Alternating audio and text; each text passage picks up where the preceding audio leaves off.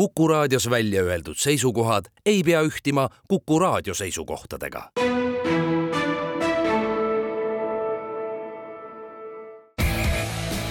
vutikohus. vutikohtul aitab pinget kruvida Pahv tere tulemast kuulama Kuku raadio jalgpallisaadet Vutikohus, mis on eetris igal neljapäeval ning mida juhivad Ott Järvela jalgpalliportaalist sokkernet.ee ja Andres Vaher Õhtulehest. meie saadet saab järelkuulata Kuku raadio koduleheküljel ja äpis Player ning samuti iTunesis, Spotify's ja Postimehe spordiveebis. vutikohus võtab igal nädalal jutuks aktuaalsed jalgpalliteemad ning tähtsamad jalgpallikohtumised algab vutikohtu kahesaja esimene istung ning alustame, nagu ikka meil kombeks on, möödunud nädala jooksul peetud tähtsamate jalgpallikohtumiste sündmuste lahkamisest ja nende käsitlemisest. kõige tähtsam jalgpallikohtumine eelmise nädala jooksul peeti pühapäeva hommikul Eesti aja järgi Sydneys, kui üheksandate naiste maailmameistrivõistluste finaalkohtumises olid vastamisi Hispaania ja Inglismaa naiskonnad. Hispaania naiskond võitis selle kohtumise Olga Carmona väravast üks-null ning tuli esimest korda maailmameistriks. Hispaania näol on tegemist viienda maailmameistriga naiste jalgpallis, varem siis Ameerika Ühendriigid võitnud neli tiitlit, Saksamaa on kahekordne maailmameister, samuti on varem maailmameistriks tulnud korra Jaapan ja Norra. nii et äh, võib öelda, et naiste jalgpallis uus valitseja, noh, see oli muidugi teada juba enne finaali, et uus valitseja tuleb enne poolfinaali, oli juba teada, aga, aga selle äh, kohtumise ütleme sportliku poole kokkuvõtteks ma ütleksin, et minu meelest oli tüüpiline finaalkohtumine. Äh, väikesed marginaalid äh, ja ikkagi väga sageli finaalkohtumistes me oleme viimastel aastatel näinud erinevates finaalkohtumistes nii koondise kui ka klubi jalgpallis, kes esimese värava lööb, see võidab no Katari mm oli erand, äh, tähendab, okei okay,, lõpuks seal ka Argentiina võitis jah, aga, aga noh, okei okay,, seal läks pingeliseks ikkagi veel, aga sageli on ikka see, kes esimese värava lööb, see võidab. Ja enne kui teha neid selliseid üldisemaid järeldusi mängust ja turniirist, ma tahan ikkagi ära öelda selle, et et omamoodi sümboolse tähendusega, vähemalt minu jaoks oli ka see, et finaalkohtumise otsustas Barcelona ja Real Madridi mängijate koostöö. Ehk et äh, Mariona Caldentei söötis, Olga Carmona lõi ehk et no, siis sama, esimene on Barcelona mängija, teine on Reali mängija ja nii ta läks. täpselt samamoodi nagu kaks tuhat kümme tuli Hispaania meeste maailmameistriks, kus tegelikult võtmekohaks oli ju see, et Barcelona ja Real olid toona omavahel, mängijad olid omavahel väga tulised erimeelsused ära klaarinud, et seal olla Carles Puyol ja Iker Casillas toona olid äh, teki-, teinud, teinud koosoleku, rääkinud asjad selgeks ja teinud, pannud paika, et noh, klubi eest ükskõik, mis juhtub, aga et koondise eest olgu kord majas, et ühisasjast väljas ja toona see toimis. ja noh, tegelikult see ühtsus Äh, on asi, millest Hispaania koondise triumfi puhul tuleb kahtlemata rääkida. Äh, me oleme ka siin Vutikohtu saates eelnevate nädala jooksul põgusalt puudutanud seda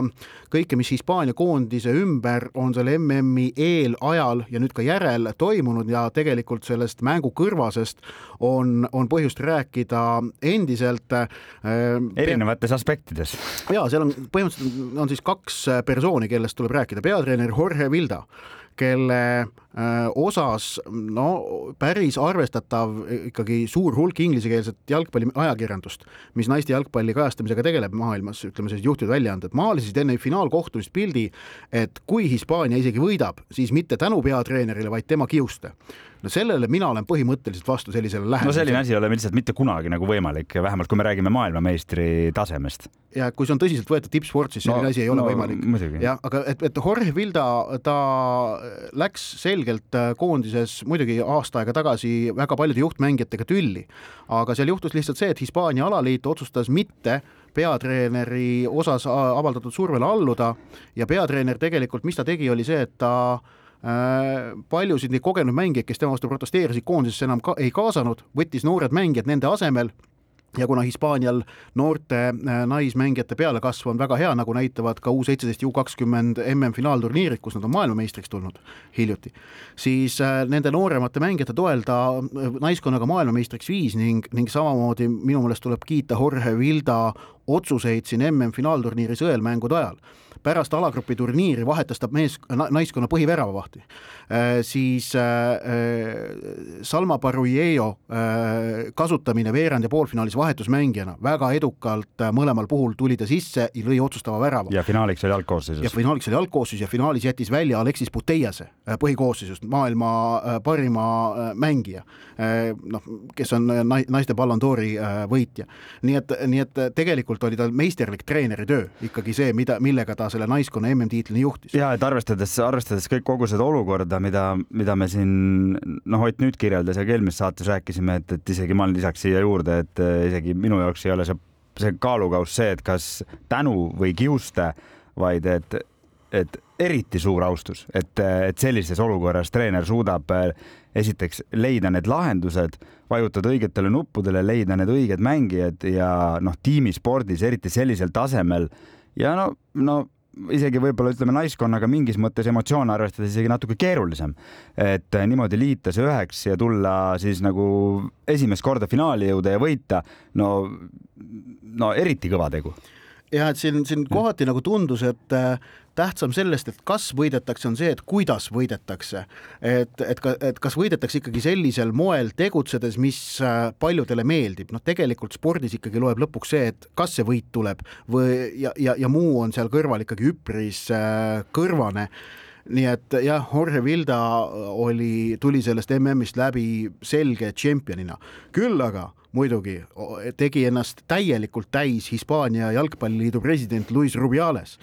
kes siis suutis autasustamistseremoonial, kus see, et jalgpalli finaalis osalenud jalgpalliliitude presidendid osalevad auhinnatseremoonial, see on tavapärane praktika. Luis Rubiales seal poodiumil ka oli, õnnitlemas siis Hispaania naiskonna mängijaid, suutis ta Jennifer Hermosot huultele suudelda täiesti omal algatusel. ja no sellest on Hispaanias tekkinud praeguseks skandaal, kus valitsusliikmed, Hispaania valitsuse liikmed on öelnud, et Luis Rubiales vabandamisest ei piisa, andes selgelt mõista, et Hispaania jalgpalliliidu president peaks ametist tagasi astuma. homme on Hispaania jalgpalliliidu erakorraline kui ma ei eksi, üldkogu on vist selle nimi. igatahes äh, võib juhtuda see, et siis Luis Rubiales, kes muuseas on sellesama Jorge Vilda üks suuri toetajaid olnud, äh, peab ametist tagasi astuma. ja, ja noh, seal ja, ja Rubial... oma, oma, omapärasel kombel sellist seksistlikke asju oli veel, et Vilda ka ise seal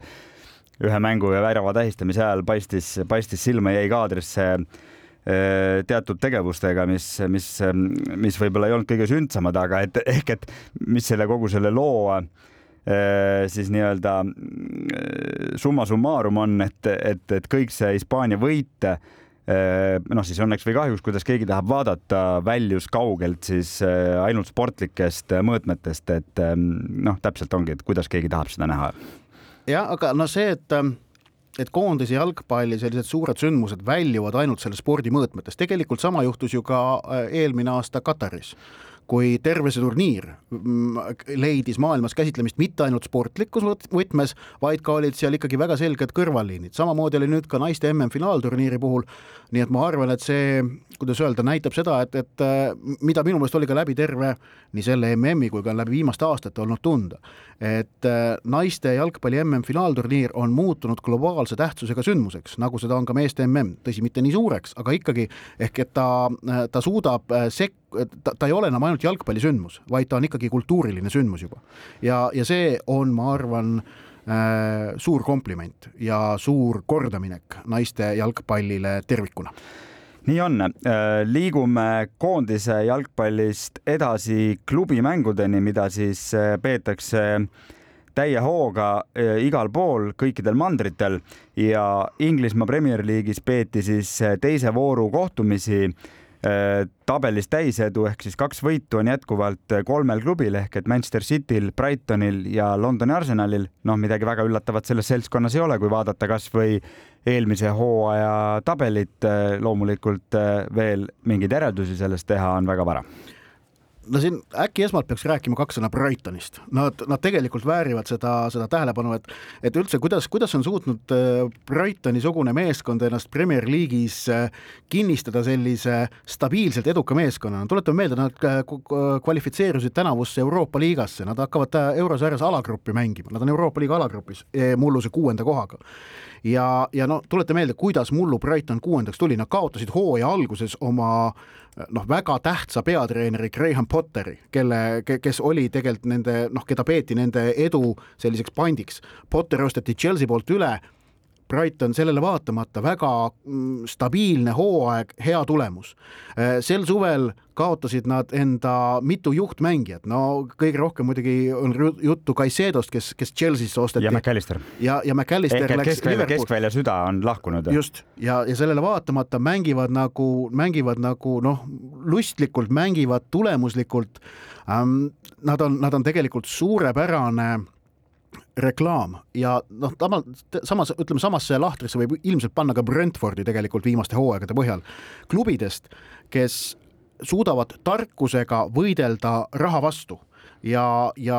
tõsi on muidugi see, et Inglismaal igaühel on piisavalt raha, et sul see mingi minimaalne rahaline tugi peab olema olemas, et üleüldse anda endale võimalus nende Inglismaa tippude vastu saada. Aga, aga samas äh, just nimelt, et Brighton ja Brentford on olnud klubid, kes on näidanud, et, et nad nutikusega, tarkade otsustega suudavad ikkagi manööverdada selles, äh, selles suures jäämeres, kus need suured jääpangad vastu triivivad ja mitte Titanicuna põhja minna, vaid, vaid sealt vapra lootsikuna läbi tulla. ja no nende mõlema ühendav joon, äh, noh, eriti Brightonil, natuke vähemal määral Brentfordil on see, et nad on äh, keskendunud noorte talentide värbamisel ja päris suurte summa eest, ikka suurte summade eest äh, neid, neid tuuakse kokku, see on siiamaani olnud eriti Brightoni puhul märksa edukam tegevus kui näiteks Londoni Chelsea'l, kes sedasama harrastab. Äh, kuigi nüüd muidugi väga valus löök, Julio Enciso äh, on saanud raske põlvevigastuse, põlvevigastustest me oma saates täna veel räägime, aga Enkiso on kuudeks audis ja, ja noh, see on nüüd nagu järjekordne löök Brightonile, aga küll, küll Roberto De, De Zerbi mingisuguse väljapääsu tee siit, siit, siit leiutab. nojah, kahtlemata see on, see on tal kombeks olnud, see on selle Brightoni DNA-s, et, et noh, tegelikult nad, nad ka planeerivad niimoodi vist asju, et äh, ühelegi mängijale ei omistata liiga kandvat rolli, et saadakse aru, et iga mängija, kes esile tõuseb, paratamatult liigub nende juurest päris kiiresti edasi. ja seeläbi ilmselt ei seota ennast mõne mängijaga ka, ka plaanides niivõrd tugevalt kinni ja noh, ollakse, kuidas öelda, paindlikumad. aga, aga nii, et Brightoni kiitus on põhjendatud ja, ja neid on äge vaadata jätkuvalt, aga räägime nüüd teistest ka. ja siit on paslik kohe siis üle minna sellele, et kui Alexis McAllisterist oli juba juttu, siis siis kahjuks Alexis Mac Allisteriga toimunu ehk et tema Bournemouthiga mängus, mille Liverpool kolm-üks üsna rahulikult võitis, sai mängu ajal punase kaardi, mis nüüd siis küll tagantjärgi on tühistatud ehk et mängukeeldu McAllister ei teeni, aga kõneainet see intsident pakkus ometi ja palju ja ähm, no ma nüüd äh, räägin edasi sel teemal ja siin tuleb paari Inglismaa äh, juhtumi puhul veel nii-öelda varrist ja kohtunikest äh, juttu, ma räägin nüüd edasi positsioonile, ma ei hakka igal pool juurde ütlema, et, et ühesõnaga, see on siis avalikkusse ruumi jõudnud andmed, mida Inglismaa kohtunike kogu nii-öelda Howard Webb ja tema, tema alluvad asjadest ametlikult arvavad. ehk et McAllisteri punane kaart oli säärane väga huvitav juhtum ähm, see kohtuniku otsus ei olnud vale ja, ja kohtunikule seda otsust tegelikult ette ei heideta. see, et Varr ei sekkunud, ei olnud ka vale, äh, see oli, tähendab, seda isegi eeldati ja oodatakse, et Varr sellisel puhul ei sekkuks. samas äh, oleksid, äh, möönsid kõik, et kui oleks otsus olnud kollane kaart, oleks kõik olnud palju parem ja seepärast takkajärele võistluskeeld tal ka tühistati. aga see, ma arvan, on selline hea tüüpiline näide äh, sellest, kuidas jalgpalli ka varri abil ei saa lõplikult äh, paika panna. minu meelest oleks ka McAllisteri puhul, et kollane kaart oli, oli aus otsus, oleks olnud selgelt parem otsus. Ähm, samamoodi ma näiteks toetan seda penaltit, mis selles mängus Liverpool sai, kui, kui äh, Bournemouthi kaitsja Šoboslaile jala ette pani, jah, Šoboslai kukkus väga teatraalselt, aga minu meelest, kui sa paned jala ette, siis noh, miks ei või ründaja teatraalselt kukkuda, miks ta peab kukkuma kuidagi noh, teistmoodi. vahet ei ole, kuidas ta kukub, kaitse pani jala ette, eksis selles olukorras ja karistus selle eksimuse eest jalgpallireeglite järgi peabki penalti olema. Et väga palju oli Inglismaal sel nädalavahetusel selliseid äh, halli ala juhtumeid äh,, kus tegelikult sellist äh, otsust, mis kõiki rahuldaks, ei olegi võimalik teha. Jah, et need ähm, tegelikult mõlemad olukorrad olid noh, vähemal või rohkemal määral no, no fifty-fifty olukorrad, noh. Ja, ja lihtsalt siis eh, noh, tegelikult ju kogu selle poleemika on põhjustanud praegu siis mitte noh, loomulikult üks keegi näeb mingis olukorras ühe jaoks on fifty-sixty ja teise jaoks on fifty-forty. ja, ja lisaks iga klubi fännid vaatavad just, seda just, veel oma nii-öelda no, mätta otsast on ju. no just seda, no nende jaoks ei ole mitte, mitte sixty, vaid on, on, on, on sada null, eks, aga, aga pigem on siis see kõneaine on see, et kuidas toimub äh, Eh, noh, tegelik kõneaine on see, et kuidas siis toimub eh, nagu protsess ehk et suhtlus, millal VAR võib sekkuda, millal keegi kuhugi kutsutakse, millal midagi otsustatakse, millal midagi tühistatakse ja ei tühistata, et need on tegelikult olulised punktid. ei taheta leppida sellega, et eh, kui otsust saab lugeda õigeks, siis VAR ei sekku ja see on tegelikult põhimõte, mida ju äh, noh, ka tegelikult äh, mitte ainult Inglismaal, vaid ka väljaspool seda igal pool proovitakse ikkagi noh, rõhutada, et kui otsust on võimalik lugeda õigeks, siis varr ei sekku. ehk et asi, mida tegelikult Inglismaal nagu räägitakse praegu, tahetakse näha aga miks ei kutsutud kohtunikku ikkagi igaks juhuks seda McAllisteri punast üles üle vaatama? vaat, aga see on just nimelt asi, mille jaoks no see on varri põhimõttega vastuolus. just nimelt ja, ja, ja ma tegelikult äh, mööndes, et mulle oleks meeldinud, McAllisteri olukorrast oleks tulnud kollane, siis kui, kui hakatakse selliseid igaks juhuks ülevaatamisi, kui peakohtunik peaks hakkama selliseid asju tegema, see muudaks selle segaduse veel suuremaks ja venitaks need kohtumised veel pikemaks ja kumbagi asja me tegelikult ei taha. Ehm, ja, ja noh, ja tegelikult samasse olukorda läheb ka nüüd see Kristjan Romero käega mäng Tottenham Man United mängus, mille Tottenham võitis kaks-null, null-null olukorras Garnacho pealelöögi Romero karistusalas blokeeris üles tõstetud käega. no ja seal on, muudab selle asja veel eriti keeruliseks see, et Mandri-Euroopas, meistrite liigas, koondise jalgpallis oleks olnud penalti, sest et see on see, kuidas öelda, noh hinnang, mida Euroopas, Mandri-Euroopas sellele pannakse. Inglismaal, kui oleks väljakul penalti vilistada, muidugi oleks tühistama hakatud, aga seal, kuna soovitakse minimaalseid varri sekkumisi, siis leiti variant see otsus õigeks lugeda ja seetõttu ka varr ei sekkunud. aga, aga seal nüüd tekib veel, ütleme, ekstra segadus just nimelt sellega, et meistrite liigas, ma rõhutan, see olukord oleks penalti. ja see ongi, seda ma olen siin varem öelnud ja, ja kordan seda jalgpallireeglid peavad olema ühtlased, et eh, kohtunikel võib olla tõlgendamisruumi eh, kasvõi siis, eh, kasvõi siis selles mõttes, et kas, mm, kas on punane või ei ole, kohtunikele peabki jääma tõlgendamisruum ka varriga, sest selleks ta ongi kohtunik. Ta on otsustaja, aga kui, kui mängija ehk kes on selle mängu kese, mitte kohtunik ega mitte ükski liiga ega mitte ükski ametnik ega isegi mitte publik, mängija ja, ja treenerid siis. Ehk nemad on keskmed, nemad peavad saama aru neil peab olema ajusse söövinud, et kuidas ma võin mängida, et ei saa olla sellist, et, täna ma lähen mängima Inglise liiga mängu, nüüd ma vajutan ühele nupule ja siis ma lähen mängima Euroopasse, nüüd on mul teine nupp, kuidas, et see peab olema ja, automaatne tegevus, jalgpallireeglid peavad olema ühtsed. sellega ma, ma olen täiesti nõus ja teine asi ka, mis sa ütlesid just nimelt, et reegleid ei tohi panna paika kohtunikest lähtuvalt, vaid peab panema paika mängijatest ja mängust lähtuvalt ja see on nüüd see põhjus, mis ma räägin ka seda, et, et äh, jällegi Inglismaal see kollaste kaartide andmine protesteerimise eest on siin hooaja alguses olnud ikkagi selgelt, äh, selgelt üle piiri, on kohtunikud läinud, ei ole vaja niimoodi karistada. Ehm, no sellest ka nädala eest sai ka räägitud, aga, aga, aga noh, see on samamoodi. Just nimelt, et ei tohi lähtuda kohtunikest, peab lähtuma mängust ja mängijatest, mitte kohtunike sellest, et kohtunikel peaks olema lihtne, ei pea. nii see, see on kohtuniku töö saatus tegelikult ükskõik millises äh, pallimängus või ka võis- või ka üldse spordialal. Nad on teenindajad, nad on mängu teenindajad. jah, kohtunik on võistluse teenindaja ja tema roll ongi keeruline, aga miks siis kohtunik seda peaks tahtma teha, sest tegelikult ma nüüd ütlen omast kogemusest, kohtuniku töö mõnu seisnebki selles, kui sa selle keerulise ülesande lahendad ära. Ja iga piuksu peale kollase kaardi andmine ei ole lahendamine, vaid see on lihtsamat teed minek. Kui rääkida veel Premier League'i teema lõpetuseks kaks sõna ka mängudest, siis ma tooksin eriti, eriti, eriti noh, ja rõhutakski seda, et äh, kaks klubi, noh ikkagi suurklubi on on alustanud hooaega väga kehvasti, ehk et siis jutt käib Manchester Unitedist ja Londoni Chelsea'st aga vähemalt ühe, Manchester United on ka mänginud seejuures väga kehvasti. sai esimeses voorus küll hädaõnne ja kohtunikega, olgu siis juurde lisatud, kolm punkti kätte Chelsea on mänginud tegelikult korralikult, aga ei ole tulemust ära teinud, üks punkt tabelis, avavooru viik Liverpooliga ja West Hamile siis teises voorus kolm-üks kaotati. no West Hamile kompliment, West Hami osas olid ju jälle hooaja eel üleval küsimärgid, et kas nad ikka suudavad ja mida nad suudavad, et noh, et võitsid küll konverentsi liiga kevadel ära, David Moyes noh, triumf, aga noh, Moyesil on, ma ei tea, nagu tal nagu need kahtlused tema küljes on nagu kleeppaberiga kinni, et kas ta ikka saab selle olukorraga nii ja naa saab, saab, saab, saab. ja äh, Man City Newcastle mäng ka muidugi väga oodatud kohtumine, kaks meistrite liiga klubi äh,. Man City võitis selle mängu üks-null. metoodiline üks-null. ja aga minu meelest äh, ma ütleks, et minu meelest nagu Newcastle'il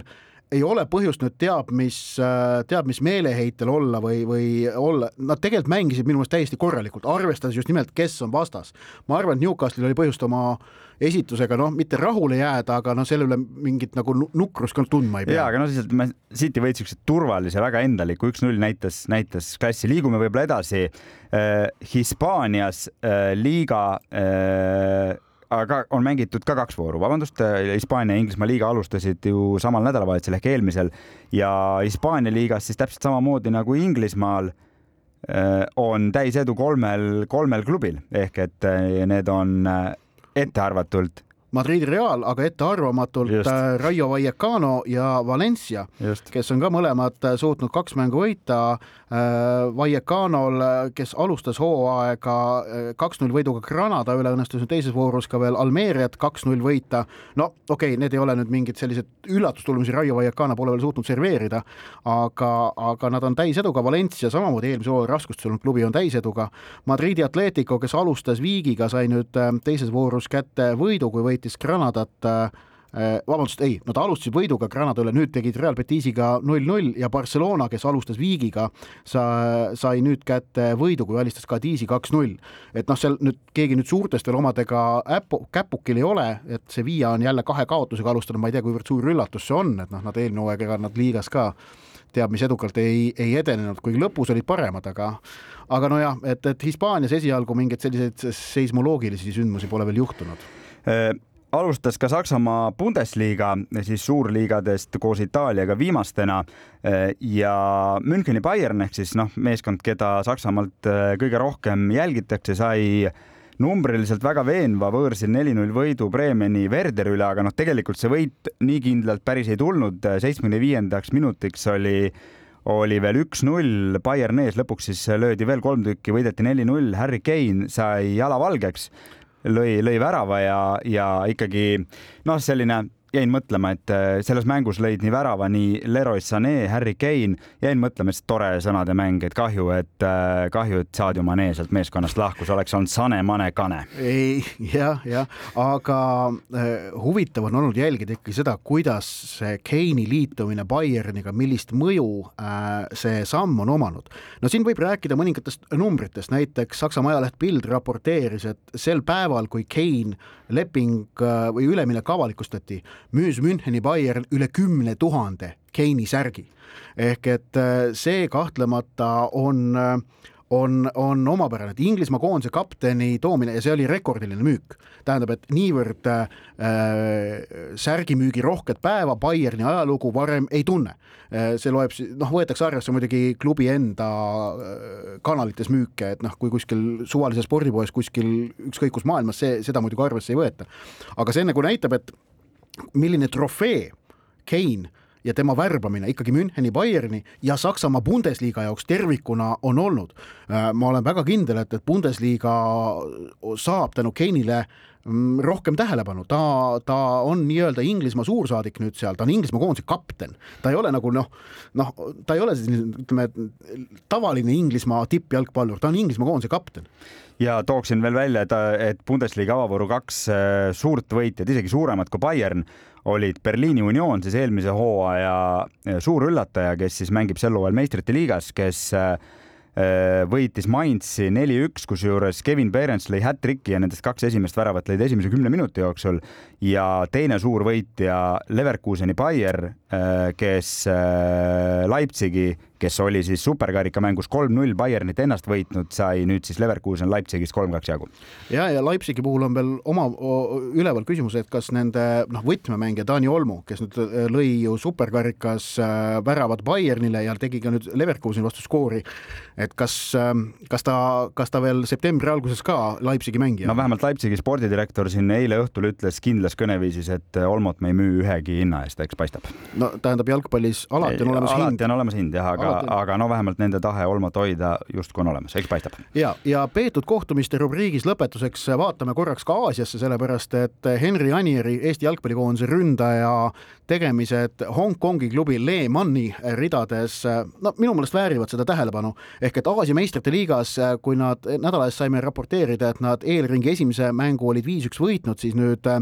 üleeile oldi vastamisi valitsev Aasia meistriklubi. Ehk et mullus Aasia meistrite liiga võitja Jaapani esindaja Urawa Red Diamondsiga ja selle Saitamas peetud kohtumisel Eeman noh, ütleme ausalt, üpriski oodatult null kolm kaotas, Anier sekkus selles mängus vahetusest,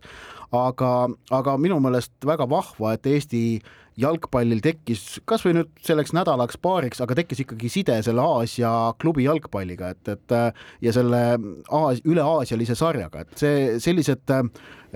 hetked tuletavad meelde, et, et seda jalgpalli mängitakse professionaalsel tasemel ka mujal kui Euroopas. ja kahtlemata lihtsalt, et, et Lehmann selle mängu Uravale kaotas, oli igati ootuspärane, kindlasti tegi see nende jaoks valusamaks see, et nad olid juba kuue minutiga null kaks kaotusseisus vutikohus. vutikohtul aitab pinget kruvida Pahv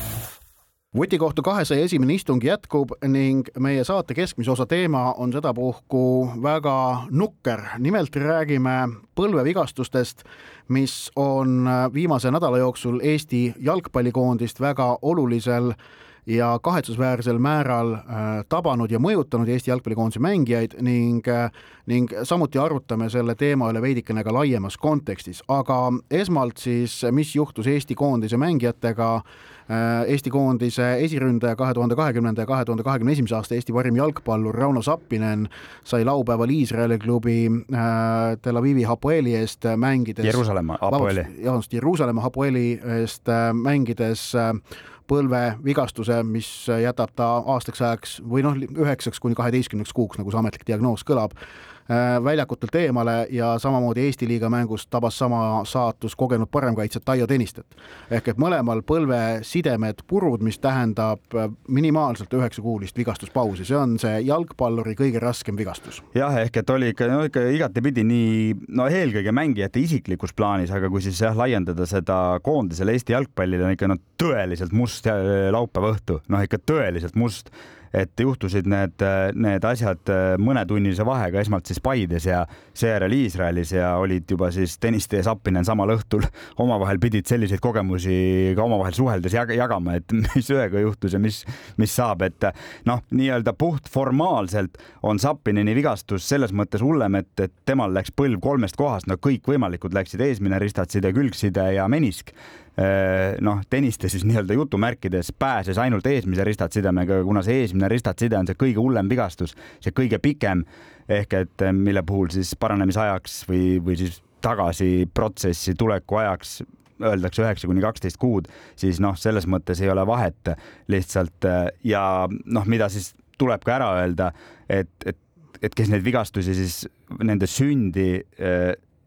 tahab ja saab järgi vaadata, kuigi seda Sapinini vigastust järgi vaadata on päris õõvastav kogemus ausalt öeldes, siis noh, kui õnnetult ja erinevalt moel võib nii raske vigastuse saada, et Sapinini puhul siis konkreetselt kontakt vastasmängijaga aga tennistega täiesti süütu olukord, põhimõtteliselt kontakt puudus, putsa jäi lihtsalt murusse kinni ja niimoodi see jalg väändus ja, ja oligi kõik just ja, ja see on üks osa tippjalgpallist ja väga karm osa sellest tippjalgpallist, et äh, need kõige raskemad vigastused võivad sündida no ikkagi vägagi süütutest olukordadest, aga see paraku on üks osa äh, tippjalgpallist. Eesti jalgpallikoondise peatreeneri Toomas Häberli jaoks on need mõlemad äh, vigastused kahtlemata väga suured tagasilöögid tuletame meelde, et tegelikult raske põlvevigastusega, samasuguse põlvevigastusega on ju väljas ka Markus Soomets äh, kevadest saadik. ehk et äh, kaks põhimängijat, Soomets ja Sappinen, on, kes oleksid eeldatavalt põhikoosseisu mängijad, Tõniste noh. no isegi ei saa välistada. sõltuvalt vastasest jah äh,, ikkagi parem kaitsjas, parem kaitsesse kaitsvatest mängijatest esimene valik hetkel Eestis Äh, noh, see on, see on tenniste roll, et sageli lihtsalt paremal äärel kasutatakse ründavamat lahendust, sel juhul on tenniste vahetuses. aga Häberli jaoks noh, parem kaitsesse tähendab see ilmselt, et, et noh, Michael Lillander, Edgar Turr seda positsiooni kaitsvamalt poolt peavad lappima, aga Vlassi Sinjavski šansid sellel positsioonil ise alustada on, on seda suuremad. sinna ma arvan, no ütleme nii, et, et, et katet leiab, kuigi tenniste kogemused on väga tähtsad olnud koondise jaoks ja, ja ta on teinud äh, kindlaid esitusi alati. Äh, ka siin oma nüüd karjääri selles faasis, kui ta on mänginud juba Tartu Tammeka eest. Aga no Rauno Sappineni kaotamine tähendab ikkagi seda, et, et ründemäng tuleb kuidas öelda, ümber kalibreerida, sest kui me meenutame EM-valiksarja kolm esimest kohtumist võõrsil Austriaga, võõrsil Aserbaidžaaniga, kodus Belgiaga, Sapinen kuulus kõigis neis mängudes põhikoosseisu ja, ja noh, tegelikult see ründemäng oli ikkagi temale üles ehitatud, tema omadustele üles ehitatud ja, ja ta on selgelt olnud praegu esiründaja, ta lõi ka mõlemad väravad, mis Eesti koondis selles valiksarjas löönud on, nii võõrsil Austriale kui ka võõrsil Aserbaidžaanile. just ja, ja kuna nüüd siis ees on ootamas septembrikuised mängud Rootsi-Belgiaga, seejärel oktoobrikuus valikmäng Aserbaidžaaniga, noh, hea küll, jätame selle maavõistluse taiga, see ei ole praegu selles kontekstis oluline. siis novembris veel valikmängud Austria ja Rootsiga ja me peame ka lisama, et vägagi võimalik ja mida me kõike loodame, et kevadel, uue, uue aasta kevadel siis saab Eesti koondis mängida Euroopa meistrivõistluste play-off kohtumisi. Ehk et noh, ka nendest mängudest on mõlemad mehed noh, kindlasti eemal. Jah, ja, ja mis on siis rünnaku lahendused, no ilmselgelt Henri Anieri roll äh, muutub väga tähtsaks ja, ja noh, ilmselt äh, kui ma peaksin praegu pakkuma, mis on Eesti ründepaar mängus Rootsi vastu üheksandal septembril, ma pakuksin Henri Anier, Sergei Zenjov. Ja Erik Sorga oleks vahetusmees, aga nüüd kehv uudis on see, et, et, et need nii-öelda, kes on seni olnud neljandad ründajad koondises, on siin olnud Robert Kirss ja Sten Reinkord vaheldumisi viimase aasta jooksul siis no mõlema praegune no see minek... aasta, see aasta on ikka olnud ikka kehva, mis Mõ kehva? jah, mõlema praegune minek on olnud kehva, et no Reinkord läks nüüd Kuressaarde, kus ta võib-olla saab, kus ta saab vähemalt platsile, Florast ta ei saanud platsile, aga Kirss ei ole Levadias hakanud platsile saama eriti. ja samuti ei ole ka siis keegi nagu uut, uuematest tulijatest väga jõuliselt, vähemalt sellisel moel, et nagu üldse isegi isegi koondise valikusse mahtuda pead pistnud, rääkimata siis sellest, et tulla ja, ja, ja seda olukorda kuidagi seal, seal parandada või konkureerida algkoosseisu pääsemise nimel, nii et, et selles mõttes oleme nendest ründeliini probleemidest siin viimastel aastatel pidanud rääkima ja Sapineni väljalangemine on muidugi kahtlemata väga-väga karm hoop just mängude eel, kus meil on tulemas tihedalt mänge ja, ja samamoodi noh, väga tähtsaid mänge ja noh, muidugi isiklikus plaanis noh, tenniste jaoks, kes on kolmekümne viie aastane, noh, loodame, et see ei tähenda karjääri lõppu, vähemalt ta ise avaldas küll nagu väga suurt tahet sellest välja tulla ja mitte niimoodi karjääri lõpetada. Sapinini puhul siis olukord on jälle noh, temal veel on aega iseenesest tulla, aga sellisest vigastusest välja tulla see on, see on karm asi. Sapinil konkreetne lepingu olukord on ka selles mõttes, et keeruline, keeruline. tal on aasta aega lepingut nüüd selle Iisraeli klubi Jeruusalemma Hapoeliga, aga noh, see aasta aega kulubki tegelikult vigastusest taastumiseks ja siis on äh, pluss kaks optsioon. noh, oleme ausad, jalgpallimaailmas on on, äh, klubid peavad tegema otsuseid äh, pragmaatiliselt ja, ja noh, kas äh, Hapoel julgeb seda pluss kaks optsiooni kasutada olukorras, kus mängija on terve aasta vigastatud olnud, eks, eks seda ole näha. nii et mõlema mängija jaoks, muidugi me siin rääkisime praegu Eesti koondise seisukohast, aga, aga ennekõike on see traagika muidugi mõlema mängija enda jaoks. aga räägime sellest põlvevigastuste teemast veidikene laiemalt, sellepärast et tegelikult see on olnud ka maailma jalgpallis viimase poole, kolmveerand aasta jooksul väga terava tähelepanu all. esmalt äh, läbi naiste MM-finaalturniiri, äh, millest jäid äh, eemale, kusjuures nii, nii e, e, Inglismaa kui ka Hispaania, aga ka muude koondiste, Hollandi naiskonna mitmed tippmängijad seoses neid tabanud raskete põlvevigastustega. Needsamad ristati sidemed kippusid maailma parimatel naismängijatel siin viimase aasta-pooleteise jooksul väga sageli purunema ja, ja mitmed mängijad on seetõttu eemale jäänud. naiste jalgpallis on seal leitud noh, või, või tõdetud õigemini, et äh, naiste spetsiifilisi uuringuid selle vigastuse osas on tehtud vähe Äh, praegu arvatakse, mis võivad olla need põhjused olnud. Äh, näiteks tõdetakse, et, et jalgpallisaapad on enamasti ikkagi disainitud meeste jalgade järgi, et see võib olla üks põhjus. Ähm, naiskondade treeningtingimused, selle on kvaliteet sageli on olnud kehvem äh, ja, ja seal on, võib, või,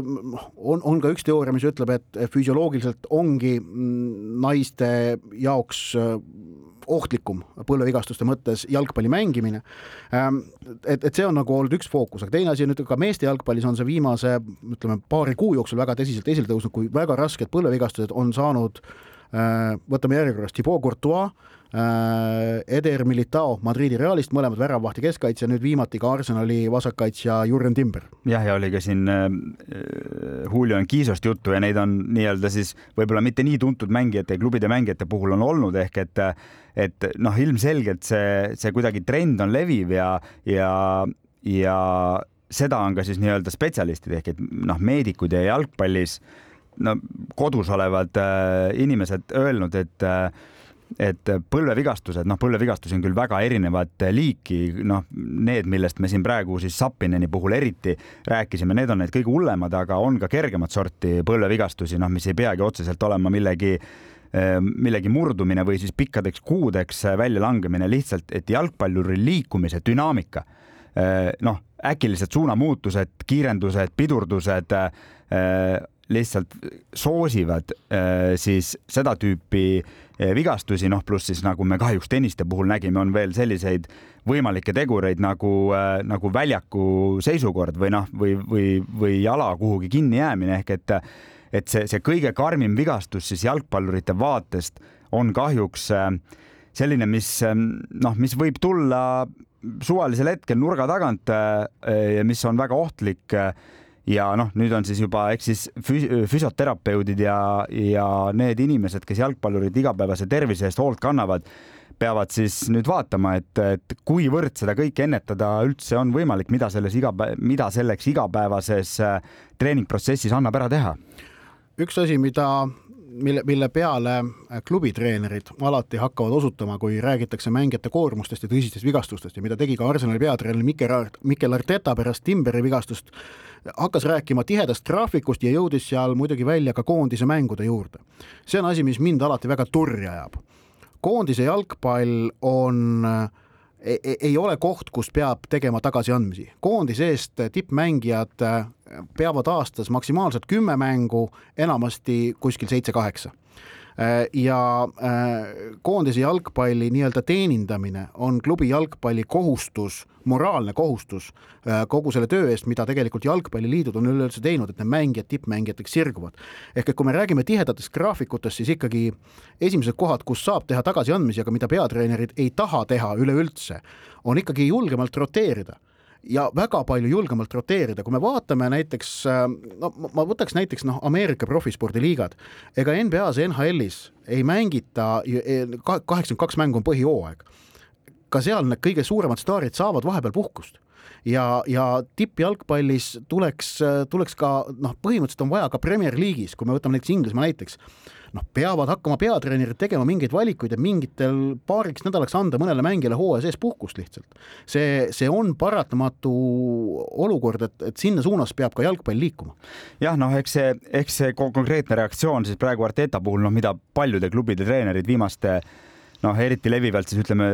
viimase kümnendi puhul seda on siin, siit ja sealt ikka, ikka kostnud. Teadma... Jürgen Klopp on olnud üks suur koondise jalgpalli vaenlane. ja, ja tegelikult isegi varem oli Arsene Wenger üks ka, kes sarnaseid mõtteavaldusi, eks ta on niisugune tüüpiline reaktsioon siis sellele, et noh, mida tähendab raha, kes maksab palga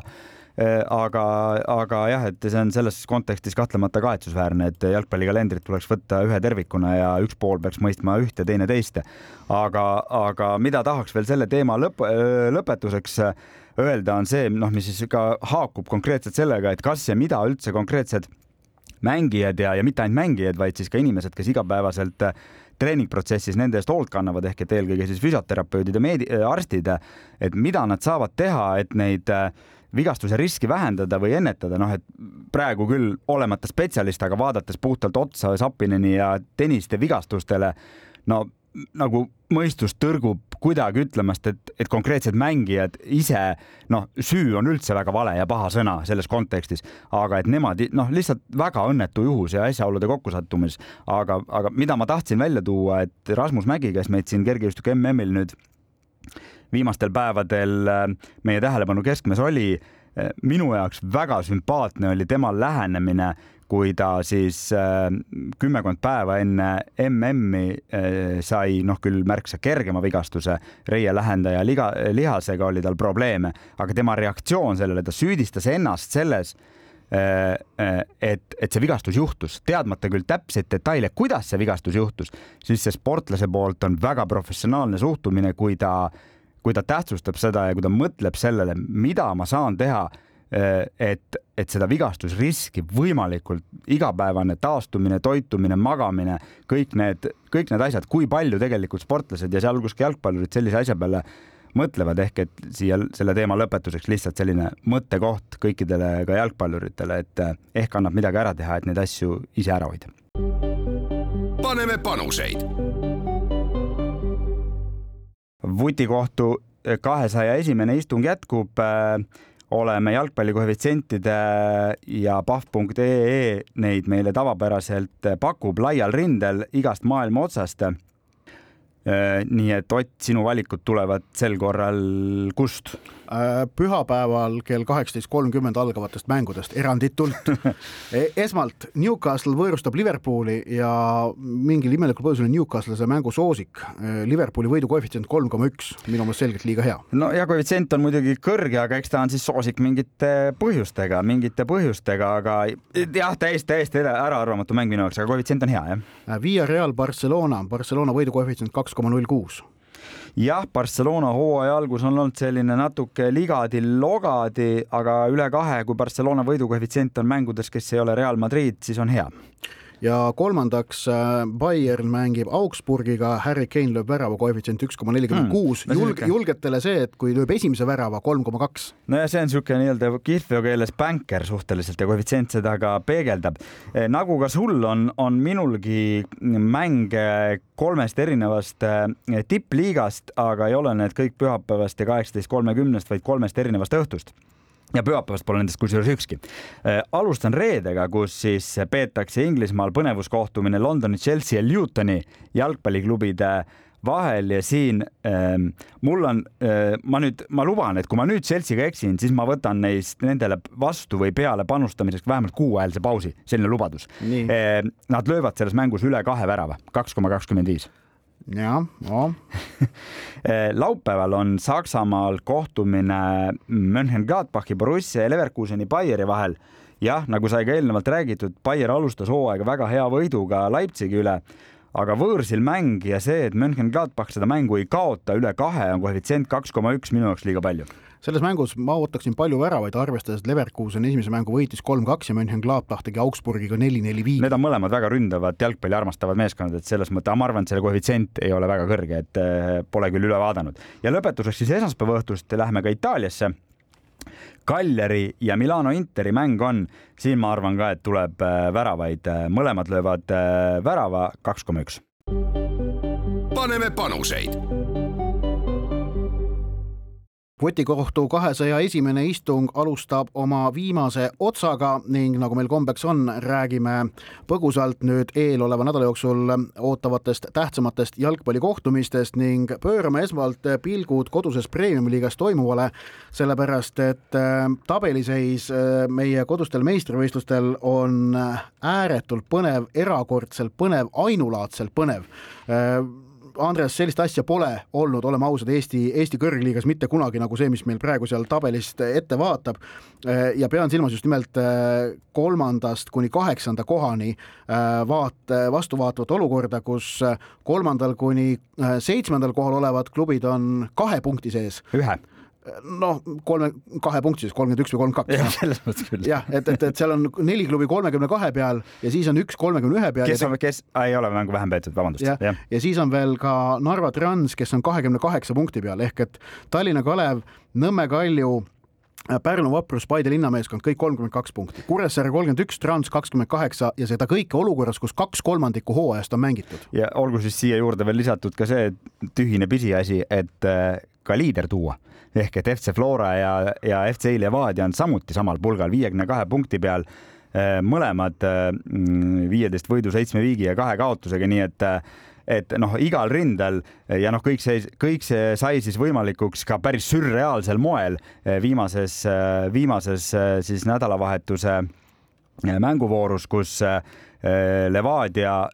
kaotas FC Kuressaarele võõrsil kaks-üks, andis Florale siis suurepärase võimaluse võtta juhtkoht jälle, jälle endale, aga loomulikult Flora ei kasutanud seda ära, vaid tegi Tallinna Kalevi ja Ragnar Klavaniga üks-üks viigi. ja Pärnu vaprus äh, kodus Nõmme Kalju vastu tuli üks-kolm kaotusest välja, sai kolm-kolm viigi ja Paide võitis Tartu Tammekat väravarallis kuus-kolm. ehk et äh, seal tabeli keskel on toimunud igati palju ja nüüd tulebki silmas pidada, mis eeloleva nädala jooksul on juhtumas, siis äh, laupäeva õhtul kell seitse Tallinna Levadia, Tallinna Kalev, väga no igatepidi tähtis, põnev, oluline, e-, erinevate intriigipunktidega mänge. ja, ja pühapäeva õhtul kaheksateist kolmkümmend Nõmme Kalju FC Kuressaare, samuti täielik maiuspala